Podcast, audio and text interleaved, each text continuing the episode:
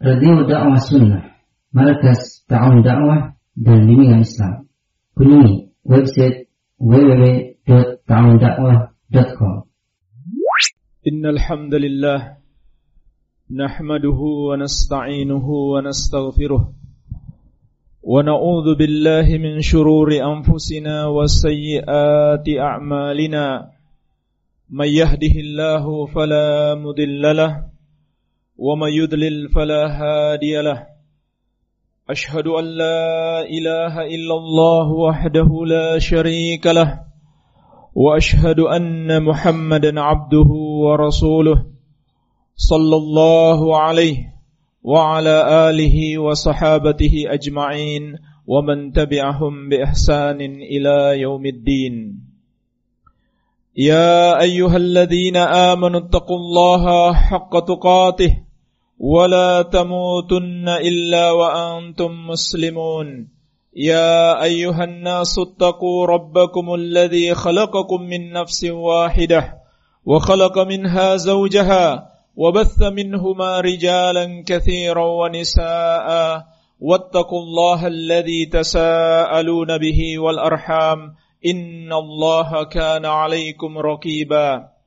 يا أيها الذين آمنوا اتقوا الله وقولوا قولا سديدا يصلح لكم أعمالكم ويغفر لكم ذنوبكم ومن يطع الله ورسوله فقد فاز فوزا عظيما أما بعد kaum muslimin jamaah salat Jumat yang saya cintai dan saya muliakan rahimani wa rahimakumullah semoga Allah Subhanahu wa taala senantiasa mencurahkan rahmatnya kepada kita sekalian Allah Subhanahu wa taala di dalam kitabnya yang mulia telah mengingatkan kita akan datangnya satu generasi yang jelek satu pengganti yang buruk. Untuk kita berhati-hati, untuk kita waspada, jangan sampai kita termasuk dalam golongan generasi yang jelek tersebut, atau jangan sampai anak dan keturunan kita menjadi pengganti yang buruk. Siapakah mereka jemaah sekalian? Generasi yang jelek dan pengganti yang buruk?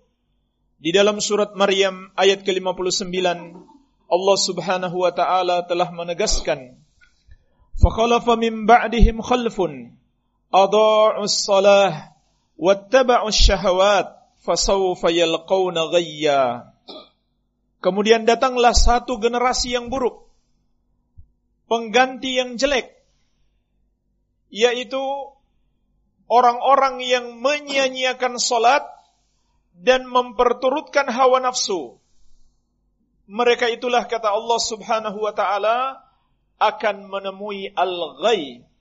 Al-ghay itu ditafsirkan para ulama dengan dua penafsiran. Yang pertama, al-ghay itu adalah kesesatan di dunia. Artinya, generasi yang buruk ini, pengganti yang jelek ini, karena mereka menyia-nyiakan solat dan memperturutkan hawa nafsu, maka mereka pun tersesat dalam kehidupan dunia ini. Kemudian yang kedua, al-ghay itu adalah satu lembah di neraka jahanam yang baunya sangat busuk. Di situlah Allah subhanahu wa ta'ala akan memasukkan orang-orang yang menyanyiakan solat dan suka memperturutkan hawa nafsunya. Oleh karenanya jemaah sekalian, di dalam ayat yang mulia ini, Allah subhanahu wa ta'ala memperingatkan kita akan bahayanya kita menyanyiakan solat. Dan bahwasannya orang yang suka menyanyiakan solat itu, dia kemudian akan memperturutkan hawa nafsu. Oleh karenanya Allah subhanahu wa ta'ala juga menegaskan dalam Al-Quran, Inna salata tanha anil fahsyai wal munkar. Sesungguhnya solat itu mencegah dari perbuatan yang keji dan perbuatan yang mungkar. Maka barang siapa yang solat dan dia berusaha solat dengan sebaik-baiknya, solatnya itu benar, pasti solatnya tersebut akan mencegah dia dari berbagai macam perbuatan yang keji, perbuatan-perbuatan dosa dan kemungkaran serta kemaksiatan kepada Allah Subhanahu wa taala. Adapun orang-orang yang menyanyiakan solat, maka mereka adalah orang-orang yang tidak peduli dengan halal dan haram. Mereka akan memperturutkan hawa nafsu. Dan jamaah sekalian, apabila solat saja, yang merupakan ibadah yang sangat agung, ibadah yang sangat penting sekali, termasuk dari rukun Islam yang kelima, atau rukun Islam yang lima, yaitu tepatnya rukun Islam yang kedua. Setelah dua kalimat syahadat, setelah seseorang bersyahadat masuk Islam, mengucapkan asyhadu an la ilaha illallah wa anna muhammadar rasulullah, setelah itu yang pertama sekali kita perintahkan kepadanya untuk melakukan solat. Menunjukkan solat adalah ibadah yang sangat agung. Nah, apabila kewajiban yang sangat agung ini sudah disia-siakan oleh seseorang, diremehkan oleh seseorang, maka janganlah kita percaya begitu saja. Harus kita khawatir orang tersebut dalam perkara-perkara lain tidak bisa kita percaya. Dia pasti akan menyia-nyiakannya. Kalau kewajibannya kepada Allah saja dia sia-siakan, terlebih kewajibannya kepada sesama hamba pasti akan dia sia-siakan sebagaimana yang diperingatkan oleh para ulama. Dikatakan oleh Imam Ibn Kathir rahimahullahu taala dalam tafsir beliau, "Wa idza ada'uha fahum lima siwaha minal wajibati adya." Maka apabila mereka telah berani menyanyiakan solat, maka tentu kewajiban-kewajiban yang lainnya mereka akan lebih berani lagi untuk melanggarnya. Li'annaha imaduddin wa qiwamuhu wa khairu a'malil ibad. Sebab solat adalah tiang agama. Solat adalah tiang agama dan pondasi-pondasinya. Dan bahwa solat itu adalah sebaik-baik amalan para hamba. Jadi apabila seseorang sudah menyanyiakan solat, meremehkan solat, tidak memperhatikan pelaksanaan solat dengan baik, maka dalam perkara lain jangan kita percaya kepadanya. Sebab kalau kewajibannya kepada Allah, kewajibannya yang tertinggi setelah dia masuk Islam, dia sia-siakan, tentu dalam perkara lain dia akan lebih mudah dan lebih meremehkan untuk menyanyiakannya. Oleh karenanya jemaah sekalian, seseorang itu apabila dia berani menyanyiakan solat, dia akan terjerumus untuk selalu memperturutkan hawa nafsunya. Dia melakukan apa saja yang diinginkan oleh hawa nafsunya. Dia tidak peduli mana yang halal dan mana yang haram. Dia lakukan apa saja yang penting hawa nafsunya senang. Dia tidak peduli apa yang dia makan. Dia tidak peduli apa yang dia nikmati. Apakah itu halal atau haram. Sebagaimana Imam Mujahid rahimahullahu taala menjelaskan kepada kita tentang orang-orang yang meninggal yang menyanyiakan solat ini dalam tafsir beliau, hum fi hadhil ummah tarakubal an'ami wal humur fit turuq la yakhafuna Allah fis sama wala yastahtu wala yastahyuna an-nasa fil ard. Mereka di dunia ini kata beliau hidup seperti binatang ternak. Mereka di dunia ini hidup seperti binatang ternak tidak peduli dengan halal dan haram. Dan seperti keledai-keledai di jalan-jalan mereka tidak malu kepada Allah yang di langit, tidak takut kepada Allah yang di langit, dan tidak malu kepada manusia di bumi. Demikianlah keadaan orang-orang yang menyanyiakan solat, maka dia akan terjerumus di dalam memperturutkan hawa nafsu, sehingga hilang rasa takutnya kepada Allah yang di langit, dan juga hilang rasa malunya terhadap manusia yang di bumi. Oleh karenanya jemaah sekalian, di dalam surat Al-Ma'un, Allah subhanahu wa ta'ala juga memperingatkan kita, musallin alladzina hum an salatihim sahun. Celakalah bagi orang-orang yang salat, yaitu orang-orang yang lalai dari salatnya. Maka jamaah sekalian, ulama menjelaskan, celakalah orang-orang yang lalai dari salatnya ini, maksudnya adalah mereka akan tersesat dalam kehidupan dunia dan mereka akan mendapatkan azab Allah Subhanahu wa taala. Apakah azab di dunia? maupun azab di akhirat kelak. Maka Allah Subhanahu wa taala mengingatkan kita jangan sampai kita lalai dari solat kita. Marilah kita perhatikan dua ayat ini jamaah sekalian. Yang pertama Allah katakan generasi yang buruk menyanyiakan solat. Kemudian generasi yang celaka, orang-orang yang celaka adalah yang lalai dari solatnya. Artinya jamaah sekalian, mereka sebetulnya masih sholat. Mereka sebetulnya masih sholat, tetapi menyanyiakan solat dan lalai dari solatnya. Kalau begitu jamaah sekalian, bagaimana lagi kalau yang meninggalkan solat sama sekali?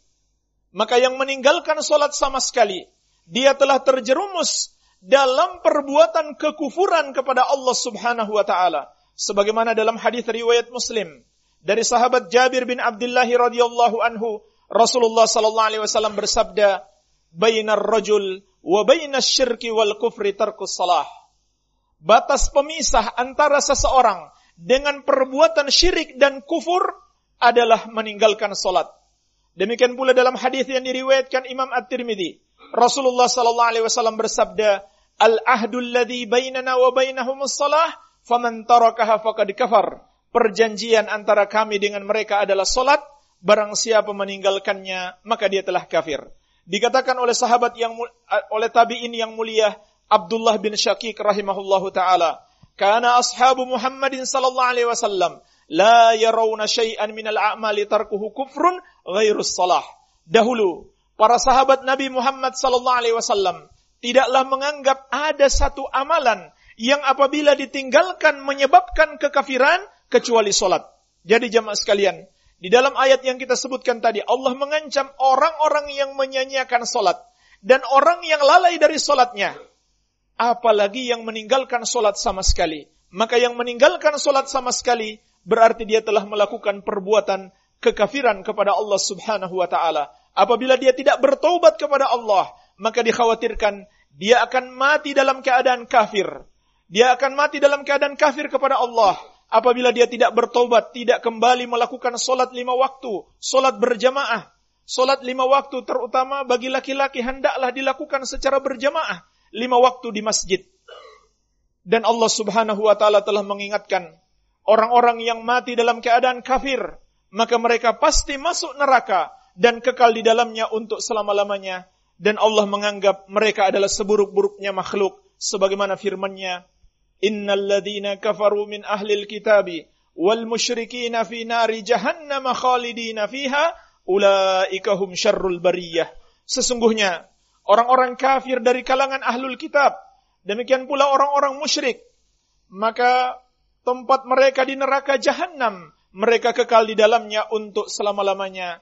Dan mereka itulah kata Allah Subhanahu wa taala orang-orang yang paling buruk, makhluk yang paling hina, syarrul bariyah, makhluk yang paling jelek di sisi Allah Subhanahu wa taala. Ini ancaman yang sangat keras dari Allah bagi siapa yang mati dalam keadaan kafir, maka orang yang meninggalkan solat, kalau dia tidak bertobat kepada Allah subhanahu wa ta'ala, dikhawatirkan dia akan mati dalam keadaan kafir kepada Allah tabaraka wa ta'ala. Kemudian jamaah sekalian, lalu apa yang dimaksud dengan orang yang melalaikan solat? Yang Allah peringatkan dalam surat Al-Ma'un.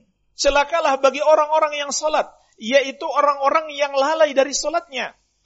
Kata Imam Ibn Kathir rahimahullahu ta'ala, dalam tafsir beliau, maksudnya mencakup tiga makna.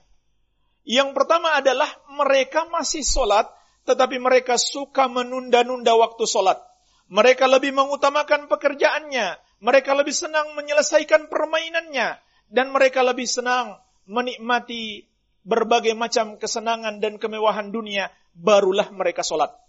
Walaupun waktunya sudah waktunya sudah berlalu, azan sudah berlalu, sudah setengah jam, bahkan tidak jarang, sudah mendekati waktu sholat berikutnya, baru mereka melakukan sholat dengan cara terburu-buru. Dengan cara terburu-buru, tidak lagi sholat dengan baik. Ini yang pertama. Mereka masih sholat, tapi suka menunda-nunda waktu sholat. Kemudian yang kedua, kata Imam Nukathir rahimahullah, mereka masih sholat. Namun mereka tidak melaksanakannya dengan baik mereka tidak memenuhi syarat-syarat solat, tidak pula rukun-rukunnya, tidak juga sunnah-sunnahnya, wajib-wajibnya dan adab-adabnya. Oleh karenanya jemaah sekalian, penting sekali kita mempelajari bagaimana petunjuk-petunjuk Rasulullah sallallahu alaihi wasallam di dalam solat beliau agar kita tidak termasuk di dalam golongan orang-orang yang lalai dari solatnya. Sebab Rasulullah sallallahu alaihi wasallam juga telah berpesan kepada kita, "Sallu kama ra'aitumuni usolli." Rasulullah Sallallahu Alaihi Wasallam bersabda kepada para sahabatnya, solatlah kalian sebagaimana kalian lihat aku solat. Artinya benar-benar kita harus berusaha untuk solat seperti Rasulullah Sallallahu Alaihi Wasallam, mulai dari beliau berdiri, mengangkat takbir sampai salam. Apa yang beliau baca, gerakan seperti apa yang beliau lakukan, kita harus berusaha mengikuti Rasulullah Sallallahu Alaihi Wasallam. Walaupun kita tidak mungkin bisa persis seperti Rasulullah Sallallahu Alaihi Wasallam, karena beliau ibadahnya yang paling baik. Tidak mungkin kita melampaui beliau, namun tetap saja kita diperintahkan untuk selalu berusaha meneladani Rasulullah sallallahu alaihi wasallam semampu kita. Maka beliau berpesan kepada kita, "Sallu kama ra'aitumuni usalli." Salatlah kalian sebagaimana kalian lihat aku salat. Maka di sinilah pentingnya mempelajari ilmu agama, mempelajari petunjuk-petunjuk Rasulullah sallallahu alaihi wasallam. Jangan kita salat hanya sekedar ikut-ikutan, melainkan kita mengikuti petunjuk Nabi kita yang mulia Nabi Muhammad sallallahu alaihi wasallam. Kemudian yang ketiga kata beliau, termasuk orang-orang yang lalai dari solatnya, yang Allah ingatkan dalam surat Al-Ma'un ini, fawailul lil hum an salatihim sahun. Celakalah bagi orang-orang yang salat, yaitu orang-orang yang lalai dari solatnya. Termasuk orang-orang yang lalai dari solatnya, kata Imam Ibn Kathir rahimahullah, adalah orang yang tidak berusaha untuk khusyuk dalam solatnya. Dan juga tidak berusaha memahami makna dan kandungan zikir-zikir serta bacaan-bacaan yang dia ucapkan di dalam solat. Seakan-akan zikir-zikir dan bacaan-bacaan tersebut hanya lafaz-lafaz biasa, hanya ucapan-ucapan biasa yang keluar begitu saja dari mulutnya, tidak perlu dia pahami maknanya, tidak perlu dia ambil pelajarannya, dan tidak perlu dia amalkan dalam hidupnya. Maka solatnya pun tidak khusyuk.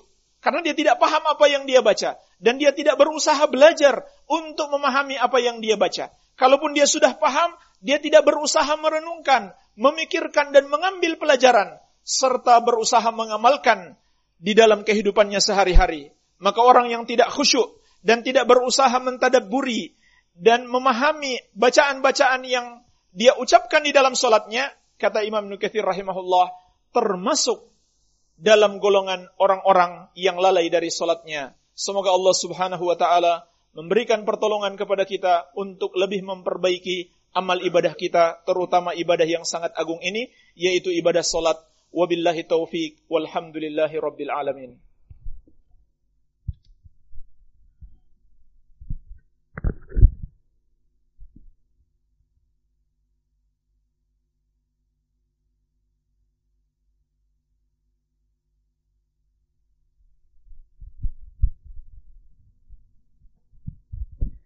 الحمد لله والصلاة والسلام على رسول الله وعلى آله وصحبه ومن والاه ولا حول ولا قوة إلا بالله أما بعد Jemaah sekalian, di dalam surat Al-Mu'minun, Allah subhanahu wa ta'ala menjelaskan kepada kita di antara sifat orang-orang yang beriman penghuni surga.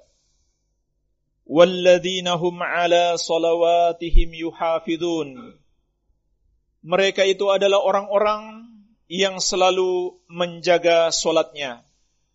Demikian pula dalam surat Al-Ma'arij, Allah subhanahu wa ta'ala berfirman, Alladzina hum ala salatihim daimun. Orang-orang yang beriman itu selalu mengerjakan solat. Sebaliknya jemaah sekalian, Allah Subhanahu wa taala mengingatkan kepada kita di antara sifat orang-orang kafir yang Allah masukkan ke dalam neraka sakar disebutkan dalam surat Al-Muddathir ditanyakan kelak kepada mereka dalam neraka sakar ma salakakum fi sakar? Apa yang telah menyebabkan kalian masuk ke dalam neraka sakar ini? Apa jawaban mereka jemaah sekalian? Qalu lam naku minal musallin. Mereka berkata dahulu di dunia kami tidak termasuk orang-orang yang mengerjakan solat. Maka jemaah sekalian, sifat orang-orang yang beriman yang Allah sebutkan dalam Al-Quran selalu menjaga solat, selalu melakukan solat. Sebaliknya sifat orang-orang kafir yang dimasukkan ke dalam neraka sakor, mereka tidak melakukan solat di dalam kehidupan dunia ini. Oleh karena jemaah sekalian, Allah subhanahu wa ta'ala telah menyiapkan keutamaan dan pahala yang sangat besar bagi siapa saja yang selalu menjaga solatnya. Sebagaimana Rasulullah Sallallahu Alaihi Wasallam pernah bersabda, ara'aitum law anna nahran bi babi ahadikum yaghtasilu minhu kulla yawmin khamsa marratin hal yabqa min daranihi syai'un bagaimana pendapat kalian apabila di depan rumah kalian ada sungai ada sungai yang bersih mengalir di depan rumah salah seorang dari kalian kemudian dia mandi darinya setiap hari lima kali apakah masih tersisa kotorannya sedikit pun maka para sahabat mengatakan tentu tidak ya Rasulullah tidak akan tersisa kotoran sedikit pun. Maka Rasulullah sallallahu alaihi wasallam pun bersabda, "Fadzalika mithlu salawatil khams yamhullahu bihinnal khataya." Demikianlah perumpamaan solat yang lima. Solat yang lima waktu itu dengan sebab itu Allah Subhanahu wa taala akan menghapuskan dosa-dosa seseorang. Sebagaimana juga sabda beliau sallallahu alaihi wasallam, "As-salawatul khams wal jum'atu ilal jum'ah wa Ramadan ila Ramadan mukaffiratun lima bainahunna idza jutunibatil kabair. Salat yang lima waktu. Salat Jumat sampai Jumat berikutnya. Puasa Ramadan sampai Ramadan berikutnya akan menjadi penghapus-penghapus dosa yang dilakukan seorang hamba di antara waktu-waktu tersebut dengan syarat dia menjauhi dosa-dosa besar. Terlebih lagi jamaah sekalian, Allah Subhanahu wa taala telah menetapkan Solat adalah amalan penentu. Baik atau buruknya seluruh amalan kita. Apabila solat kita baik, maka seluruh amalan akan ikut menjadi baik. Namun jamaah sekalian, walaupun kita melakukan banyak kebaikan, tetapi kita abaikan solat, kita remehkan solat, maka seluruh amalan kita akan ikut menjadi rusak. Sebagaimana sabda Rasulullah sallallahu alaihi wasallam, "Awwalu ma yuhasabu bihil abdu yaumal qiyamah as-salah." fa idza saluhat saluha sairu amalihi wa idza fasadat fasada sairu amalihi. Yang pertama akan dihisap, yang pertama akan diadili terhadap seorang hamba di hari kiamat adalah ibadah solatnya. Apabila solatnya baik, maka seluruh amalannya akan ikut menjadi baik. Namun apabila solatnya sudah rusak, maka seluruh amalannya akan ikut menjadi rusak. Kemudian di dalam riwayat yang lain disebutkan, diperiksa yang pertama terlebih dahulu adalah solat wajibnya. Apabila solat wajibnya kurang, misalkan kurang khusyuknya, maka kemudian diperiksa solat sunnahnya untuk menyempurnakan solat wajibnya. Demikian pula seluruh amalan-amalan yang lainnya, kata Rasulullah Sallallahu Alaihi Wasallam akan dihisap seperti itu. Pertama dihisap puasa wajibnya. Kalau puasa wajibnya ada kekurangan, maka diperiksa puasa sunnahnya untuk melengkapi atau menutupi kekurangan pada puasa wajibnya tersebut. Oleh karenanya jamaah sekalian, di samping kita memperhatikan solat wajib yang lima waktu, maka hendaklah kita senantiasa berusaha untuk mengamalkan solat-solat sunnah. Dan di antara keutamaan yang akan kita dapatkan, apabila kita berusaha tidak hanya melakukan amalan wajib, namun juga melakukan amalan sunnah, termasuk solat-solat sunnah, maka kita akan meraih kecintaan Allah Subhanahu wa taala. Sebagaimana dalam hadis qudsi Allah Subhanahu wa taala berfirman yazalu abdi yataqarrabu ilayya bin nawafil hatta uhibbahu.